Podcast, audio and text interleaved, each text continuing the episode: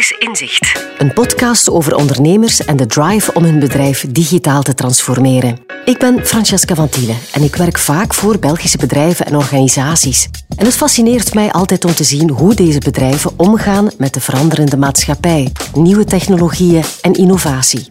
En daarom mag ik, samen met EY, op bezoek bij bedrijven en organisaties die volop bezig zijn met innovatie. Welkom bij.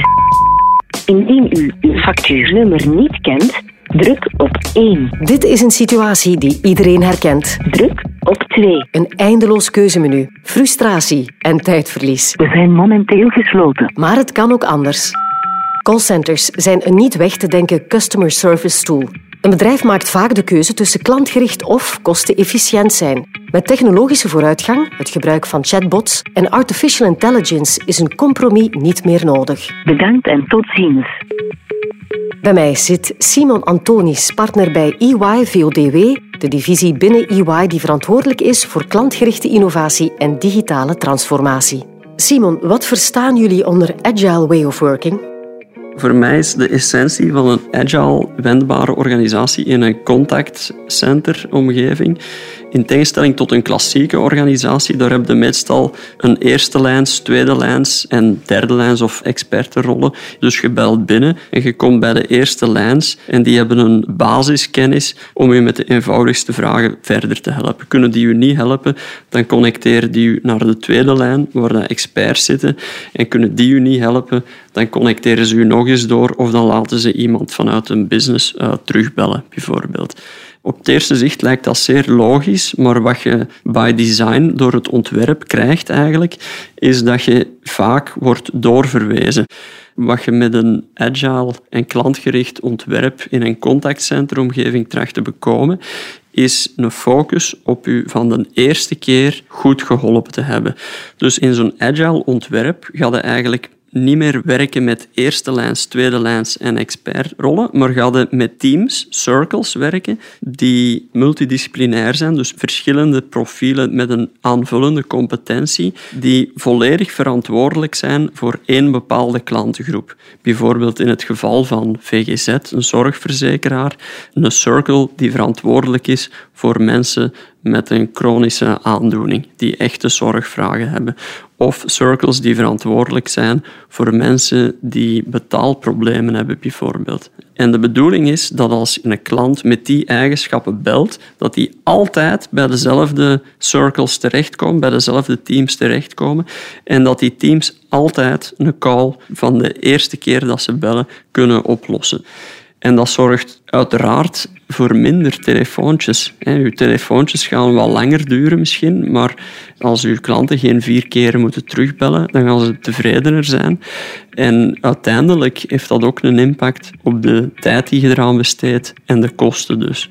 Enkele dagen geleden spraken we met Frank Elion, Chief Customer Officer bij VGZ, een leidende Nederlandse zorgverzekeraar. Wat was er aan de hand bij VGZ? VGZ is een pionier op het vlak van innovatie van callcenters. En dan kom je vanzelf in het verhaal wat we gedaan hebben en hoe we dat gedaan hebben. Vooral techbedrijven innoveerden al, maar in de Benelux is VGZ een koploper. Frank vertelt waarom ze het roer omgooiden. Eerste probleem de instroom van nieuwe klanten, die te laag was. De tweede probleem was de uitstroom van klanten, bestaande klanten, die te hoog was. En het derde probleem was dat onze time to market van iets nieuws bedenken tot en met het op de markt zetten heel erg lang duurde, omdat alles wat wij deden qua change complex was, groot was en onduidelijk was wat nou eigenlijk precies daarvoor het klantvoordeel was. En het vierde probleem waar wij mee te maken hadden, was dat we door de overheid als commerciële zorgverzekeraar steeds minder ruimte hadden om onze commerciële vleugels uit te slaan. Dat betekent dat de producten moesten steeds meer gelijk worden, omdat de overheid graag wil dat iedereen een gelijke basisverzekering krijgt. Ten tweede dat de premies steeds meer gelijk moesten worden. Ten derde dat we steeds minder en nu helemaal niet meer kortingen mogen geven. En dat we ook ons moesten inhouden in onze campagne en commerciële uitingen. En die vier heeft ons ertoe gebracht om te zeggen: hoe gaan wij nou in de toekomst het verschil maken? En hoe gaan wij deze problemen die ik net schetste oplossen? En daar zijn we mee aan de slag gegaan. Als je het goed doet, dan moet je dat terugzien in een veel hogere Net Promoter Score, een NPS. En een hoge NPS is een basis voor loyaliteit van de klant. En dat betekent dat de klant langer bij je blijft en minder snel wil weggaan. Dat is een meetmethode om de tevredenheid van klanten eh, te meten. En uh, die is, wordt internationaal gebruikt. Hè. Ook bedrijven als Google en Apple gebruiken hem. Die hebben hele hoge scores, uh, eh, 70. En wij zaten op min 2 toen we begonnen. Dus, was, dus waren meer mensen die een hekel aan ons hadden dan mensen die blij met ons waren van de 100. Ja, dat is dramatisch. Dat is dramatisch. En nu zitten we ongeveer op 15. We moeten naar 20. En dat hadden we letterlijk gezegd. We willen de Apple van de zorgverzekeraars worden. Maar de klanten waren ontevreden. We hadden eigenlijk twee dingen. We hadden A, dat wij de klant niet in één keer het goede antwoord konden geven. Dat klanten echt van het uh, kastje naar de muur werden gestuurd. En dat kwam ook omdat de regels zo strikt waren. Dat bijvoorbeeld als een klant een vraag stelde en hij vroeg om een bevestiging per e-mail, dan mocht dat niet. Een ander team moest weer een e-mail gaan sturen. En als hij een vraag had over zijn declaratie, maar ook nog daarnaast een vraag had over zijn verzekeringsvoorwaarden, moest het ook naar iemand anders toe. Dat maakte het eigenlijk allemaal heel erg diffuus en ingewikkeld en vervelend voor klanten. Ook de tevredenheid bij de werknemers werd gemeten. We hebben de meetmethode van de beleving ook bij onze medewerkers gedaan en die is sindsdien omhoog geschoten. En uh, daarvoor was er heel veel frustratie bij de medewerkers aan de marketingkant. Omdat zij dingen opleverden waar de klant niet blij mee was. En dat werden ze zelf ook niet blij van. En dat kostte ze veel te veel tijd. En bij de medewerkers in de operations-organisatie was die score laag omdat ze te weinig vrijheid en eigen regelruimte hadden. VGZ heeft nu zijn businessmodel volledig omgegooid. We hebben een strategie ontwikkeld die gericht was op het leveren van superieure klantbeleving. En we hebben vervolgens nagedacht, als dat je visie is, hoe ga je dat dan doen? En wat houdt dat dan in naar je organisatie? En toen hebben we gezegd, dan zou je niet alleen tegen iedereen moeten zeggen je moet klantgerichter worden. Dan moet je eigenlijk ervoor kiezen dat de organisatie in zichzelf ook de focus heeft op de klant. En wat we toen gedaan hebben, is dat we gezegd hebben: laten we dan eens de klantreis als uitgangspunt nemen van onze kijk op veranderingen die we voor de klant willen gaan doorvoeren. En we hebben de klantreis in stukjes geknipt. Te beginnen met het werven van nieuwe klanten, de onboarding, dan het klant zijn en dan mogelijk het afscheid van een klant. Zo hebben we dat in een aantal grote stukken geknipt. En het klant zijn stuk hebben we weer verder in stukken geknipt tussen klanten die nooit iets hebben, die nooit zorg consumeren, klanten die heel veel zorg consumeren, maar dat zijn eigenlijk relatief niet zo zware gebeurtenissen, en klanten die eenmalig een hele grote zorg moeten ondergaan, een hartoperatie en de chronisch zieken. Dus we hebben de klant in vier situaties verdeeld en die vier situaties hebben we ook aparte groepen van gemaakt. Om de slagvaardigheid en de daadkracht van ons te versnellen, de time to market te versnellen, hebben we gekozen voor de agile way of working. Een agile way of working betekende ook voor het bedrijf van Frank een grote aanpassing. We hebben eigenlijk aan de medewerkers continu meegenomen in waar staan we. En toen het steeds concreter werd, van nou, toen hebben we gezegd, nou laten we dan eerst een quick start team beginnen. Dus een klein team om het uit te testen. En dat hebben we dus aan de medewerkers allemaal gepresenteerd. Toen hebben we gevraagd wie vindt het leuk om daaraan mee te werken. En toen hebben we vervolgens een paar weken later gedeeld met alle medewerkers wat de eerste reacties waren. En toen gingen die medewerkers die meededen, gingen vertellen dat ze zo blij ermee waren, omdat het allemaal veel sneller ging. Dat ze veel meer eigen verantwoordelijkheid hadden en dat ze ook echt een probleem konden oplossen. En toen wilden opeens veel meer medewerkers gaan meedoen. En op een gegeven moment ging het zelfs harder dan wij als management konden bijhouden. En daar word je gewoon echt heel blij van en heel trots ook op iedereen. En we hebben het ontzettend snel doorgevoerd. We zijn begonnen met na te denken in september over de nieuwe strategie. Toen zijn we de plannen gaan maken in november over hoe werkt dat dan uit. In april hadden we de goedkeuring van de ondernemingsraad. In mei zijn we gaan piloten en op 1 augustus is de hele organisatie omgegaan. Dat is verhoudingsgewijs heel snel gegaan. En in drie jaar tijd is het een metamorfose geworden van uh, hoe we werken. En het mooie is, niemand wil meer terug. Binnen het contactcenter werd die agile way of working doorgetrokken. Ook de samenstelling van de teams werd gewijzigd. Een team bestaat bij ons uit ongeveer 12 man. In dat team zitten vier experts. We hebben vier expertfuncties nog. Dus je hebt iemand die weet alles over verzekeren. Je weet iemand die alles weet over vergoeden en betalen. En we hebben een, iemand die alles weet over zorgvragen. En we hebben iemand die alles weet over incasso. Het is dus helemaal op klantgroepen geënt.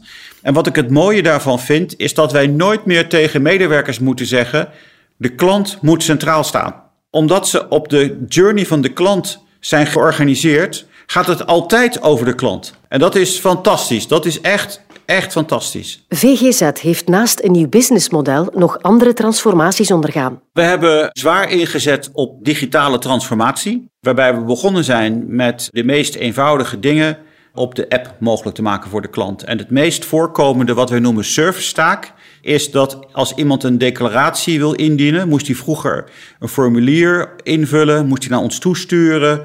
Het uh, was allemaal ingewikkeld.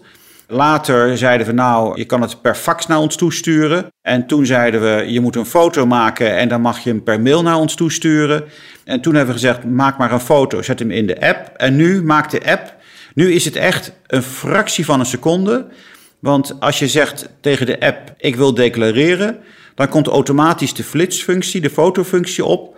Je maakt een foto en dan zegt hij alleen maar verstuur en klaar is Kees.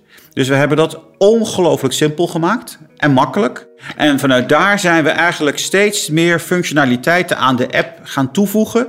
Waarbij ons principe was, we willen zoveel mogelijk telefonie omzetten in digitaal contact. En niet omdat het alleen tot lage kosten leidt, maar ook omdat we merken dat de klant alles wat hij zelf kan doen veel hoger waardeert dan wanneer hij moet bellen en moet mailen. Ook voor de klanten betekende de digitalisering van de zorgverlening een grote verbetering. Voor één individu betekent het bijvoorbeeld als hij met ons contact zoekt, bijvoorbeeld via de telefoon, wat nog steeds veel voorkomt, is dat hij in één keer door de, door de betreffende medewerker voor al zijn vragen antwoord kan krijgen. In plaats van dat een medewerker moet doorverbinden. En of iemand nou een vraag heeft over zijn zorgverzekering. Of hij heeft uh, moeite met betalen. En hij wil een regeling om zeg maar later te kunnen betalen. Of hij moet verwezen worden naar een ziekenhuis. Hij kan altijd bij dezelfde mensen terecht. En dat is natuurlijk heel fijn voor een klant. We zijn tegelijkertijd ook bezig om de klant zoveel mogelijk digitaal uh, te helpen. En daar zie je dat we uh, in de app, maar ook in de chatbot en dadelijk in de voicebot, dat we daar heel veel functionaliteit toevoegen, waardoor de klant ook als hij eenmaal voor een bepaald digitaal kanaal gekozen heeft, dat hij daar ook in één keer volledig terecht kan en niet meer naar een ander kanaal hoeft te gaan. Deze vergevorderde digitalisering heeft een grote impact op VGZ.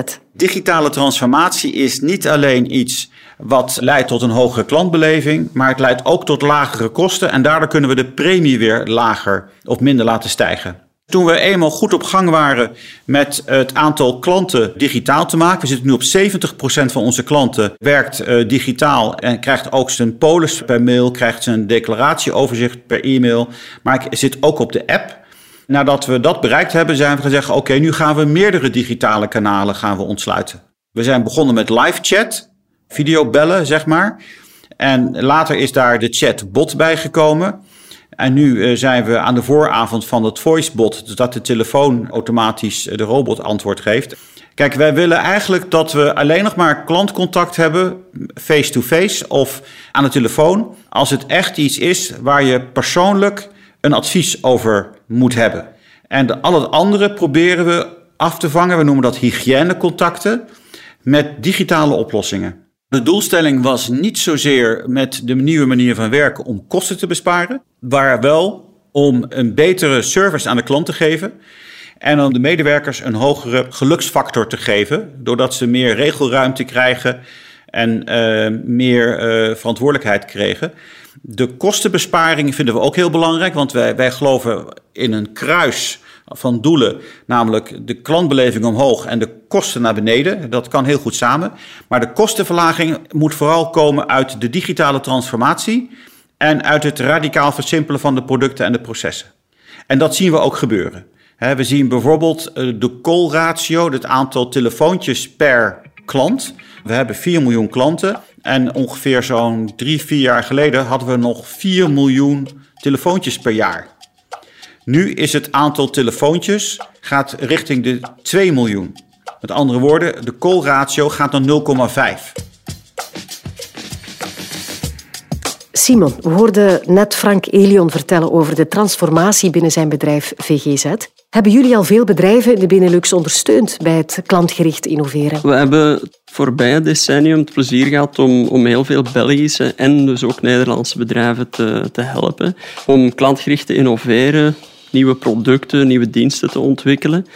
En na verloop van tijd merk je dan vaak dat de organisatie zelf eerder een rem is op innovatie dan wel een versneller. En dat inzicht heeft ons ertoe bewogen om ook meer organisaties te gaan helpen bij het opzetten van nieuwe organisatiemodellen die eigenlijk toelaten om daadwerkelijk meer klantgericht en innovatiever te worden. Waarom is het voor organisaties belangrijk om naar de werking van hun Customer Service Center te kijken? Wel omdat het callcenter of het customer contact center echt bij uitstek de plaats is waar dat je als klant voelt dat een klantbeleving goed is of niet goed. Jij en ik, iedereen, we hebben allemaal wel voorbeelden van, van heel goede of net heel slechte ervaringen als we contact opnemen met een organisatie. En het is dus bijzonder belangrijk om net daar waar het voelbaar is ook actie te ondernemen en te innoveren, te transformeren. Vroeger was de veronderstelling dat je als organisatie moest kiezen tussen ofwel iets heel efficiënt doen, ofwel iets echt doen met oog op de klant. Dat was het paradigma tussen customer intimacy of operational excellence. Eh, maar dat is intussen eigenlijk een beetje achterhaald geraakt omdat de technologie vandaag toelaat om zowel klantgericht te zijn als ook efficiënt. Die evolutie van de technologie laat eigenlijk toe om die beide te combineren. Dus het wordt een en-en verzaal, zowel kostenefficiënt als ook inspelen op de behoeften van klanten. Welke rol speelt technologie in het verbeteren van de klantgerichtheid in contactcenters? Het is belangrijk om eerst te kijken naar wat de redenen zijn waarom mensen bellen. In veel callcenters is een groot volume aan inkomende calls gelieerd aan zeer eenvoudige zaken. Dus vragen omtrent de status van een dossier of een betaling en dat zijn eigenlijk vragen die je liever op een andere manier opvangt. In een ideale situatie kan je dankzij digitalisering die vragen vermijden of oplossen via andere kanalen. En dat kan inderdaad gaan via eenvoudige klantomgevingen of chatbots of uh, verbeteringen in de processen die erachter zitten of via robotisering bepaalde processen gaan automatiseren, waardoor eigenlijk de volumes uh, verminderen in een callcenter. En waardoor dat uw agenten, de mensen in de callcenter, zich echt bezig kunnen gaan, gaan houden met belangrijke of complexere vragen die ook waarde creëren, zowel voor de klanten als voor de organisatie. Dus daar is technologie bijzonder belangrijk in. Het is altijd aantrekkelijk om te spreken over artificial intelligence en robotizations. En die technologieën hebben zeker hun plaats. Maar vaak zijn eenvoudige ingrepen wel impactvol. En uiteindelijk is technologie geen doel op zich. Hè. Het is een middel. En afhankelijk van de doelstellingen kan je andere middelen gaan inzetten. Simon, welke tips heb je voor organisaties die een transformatie zoals bij VGZ overwegen? In eerste instantie is het bijzonder belangrijk om vanuit het management een duidelijke en gedeelde reden te hebben waarom je wilt transformeren. En typisch zijn er zowat evenveel redenen om te transformeren dan, dan dat er uh, uh, zitjes zijn aan de directietafel. En al die redenen hebben hun plaats. Ik denk dat die allemaal uh, relevant kunnen zijn, maar het is heel belangrijk om haarscherp te krijgen wat is nu de meest dwingende reden. Want die meest dwingende reden bepaalt voor een stuk mee het ontwerp van uw toekomstige organisatie. Daarnaast is het echt belangrijk om voldoende ambitieus en ik zou zelfs durven zeggen grensverleggend te durven denken. In transformaties zien wij jammer genoeg nog te vaak dat er eerst gestart wordt met alle beperkingen in kaart te brengen. Wat kan er niet? Wat zijn de randvoorwaarden om te kunnen transformeren en zo verder. En op zich is er niks mis met de beperkingen in kaart brengen, maar vaak leidt dat tot echt marginale verbeteringen die op het einde van de rit voor klanten amper of niet voelbaar zijn. We hebben een heel mooi principe dat we hanteren, het Maya-principe. Dat staat voor most advanced yet acceptable. En met het Maya-principe trachten we eigenlijk op een onbeperkte manier te kijken naar hoe zou die organisatie er in een ideale wereld moeten uitzien. En pas daarna ga je dat terugredeneren naar wat, wat is in de praktijk ook haalbaar. En zo kom je toch tot meer radicaal vernieuwende modellen die echt een meetbare impact gaan hebben. En tenslotte ook belangrijk om niet door te slaan in agile fundamentalisme, hè, want het is maar een middel om iets te bereiken, om meer klantgericht te worden, of om die doelstelling die je dan eerst bepaalt te bereiken, maar het is geen doel op zich. En je moet ook durven om dat model los te laten en echt te kijken naar de heel specifieke context van de organisatie. Wat is de rol van het management in een klantgerichte en agile organisatie? Het is belangrijk dat het management inziet dat in een wendbare organisatie een ander soort van leiderschap nodig is om succesvol te zijn. In dat organisatiemodel geef je meer autonomie aan de teams. Wij spreken liever over zelforganiserende teams. Het is de rol van het management om de richting te bepalen, te zorgen dat de neuzen in dezelfde richting staan, dat de prioriteiten duidelijk zijn. Maar hoe dat die prioriteiten gerealiseerd worden, die verantwoordelijkheid die leg je in het team. Het management in zo'n organisatie is veel meer faciliterend. Het moet ervoor zorgen dat de teams alles hebben om te kunnen excelleren. En ze zijn veel minder directief in de zin van wij gaan nu ook bepalen hoe jullie je job moeten doen. En hoe ervaren de medewerkers zo'n transformatie? In het begin is er vaak een sceptische reactie eh, van mensen die zich dan afvragen: is dit niet de zoveelste trend die voorbij komt en ook wel weer snel zal overwaaien? Maar als je eenmaal bezig bent, is het enthousiasme bijna zonder uitzondering ongelooflijk groot. Mensen krijgen meer verantwoordelijkheden en autonomie. En dat werkt ook zeer motiverend. Maar aan de andere kant verwacht je dan ook dat de medewerkers in een agile callcenter ook andere skills hebben. Dus je vraagt ook meer van hen. Wij spreken wel eens van een T-vormig uh, competentieprofiel, waarbij het verticale streepje van de T staat voor een, een type expertise op één bepaald domein en het horizontale streepje staat voor een voldoende competentie op andere domeinen. Wij zien ook bijna zonder uitzondering dat de medewerkerstevredenheid stijgt, maar daar staat wel tegenover dat je ook meer verwacht van de medewerkers, omdat ze echt verantwoordelijk zijn voor een bepaalde doelgroep. Het is ook heel belangrijk om medewerkers in een contactcenter te hebben die zelf tevreden zijn. Hoe moeten uw medewerkers nu de tevredenheid overbrengen op klanten als ze zelf niet tevreden zijn? Dat is onmogelijk. Daarom is het zo belangrijk. We bekeken de aanpak van VGZ, een Nederlands bedrijf. Zien jullie deze trend ook overwaaien naar de Belgische markt? Gelukkig zien we dat die trend overwaait en meer en meer bedrijven ook contact met ons opnemen omtrent die specifieke thematiek van klantgerichte en wendbare organisatiemodellen. En we zijn momenteel verschillende grote Belgische spelers in verschillende sectoren ook aan het helpen met hun agile transformatie, zowel binnen de context van contactcenters, als ook daarbuiten, dus ook in de marketingorganisatie of in operations, is dat iets dat meer en meer een topic is waar dat bedrijven van wakker liggen. En laat ons ook hopen dat die trend zich verder zet, want we willen toch allemaal een goede klantervaring wanneer dat we volgende keer met een contactcenter bellen. Welke rol speelt EY in dit soort transformaties? Binnen EY hebben wij een gespecialiseerd team dat echt met niks anders bezig is dan met agile transformaties. U kunt u voorstellen, voor de organisaties die wij helpen, is dat meestal niet het geval. Het is niet de bedoeling dat je elke drie jaar een dergelijke transformatie doormaakt. Dus dan is het heel belangrijk om mensen te betrekken die kennis hebben van zaken, die weten welke modellen in welke context werken, welke de valkuilen zijn bij zo'n transformatie, maar die ook ervoor zorgen dat er voldoende naar de cijfers en naar de data gekeken wordt bij zo'n transformatie. Als we het over een contactcenter hebben, is natuurlijk heel belangrijk om een duidelijke analyse te maken van waar zitten de volumes, welke, welke vragen hebben klanten, uh, hoe kunnen we die, die teams het best clusteren en welke stappen zijn er nodig. Dus daar hebben wij een groot en groeiend team voor dat echt dedicated op dit soort vraagstukken werkt. Dit was Inzicht, een podcast van EY in samenwerking met Tijd Connect over ondernemers met de drive om hun bedrijf digitaal te transformeren en zo onze maatschappij fundamenteel te veranderen. Wil je zien hoe het er tijdens de opnames aan toe ging? Of meer weten over hoe jouw bedrijf ook kan transformeren? Ga dan naar tijd.be-inzicht.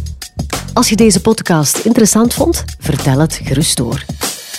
In de volgende podcast hebben we het over samenwerkingen over sectoren heen. Ik ben Francesca van Tielen. Bedankt voor het luisteren.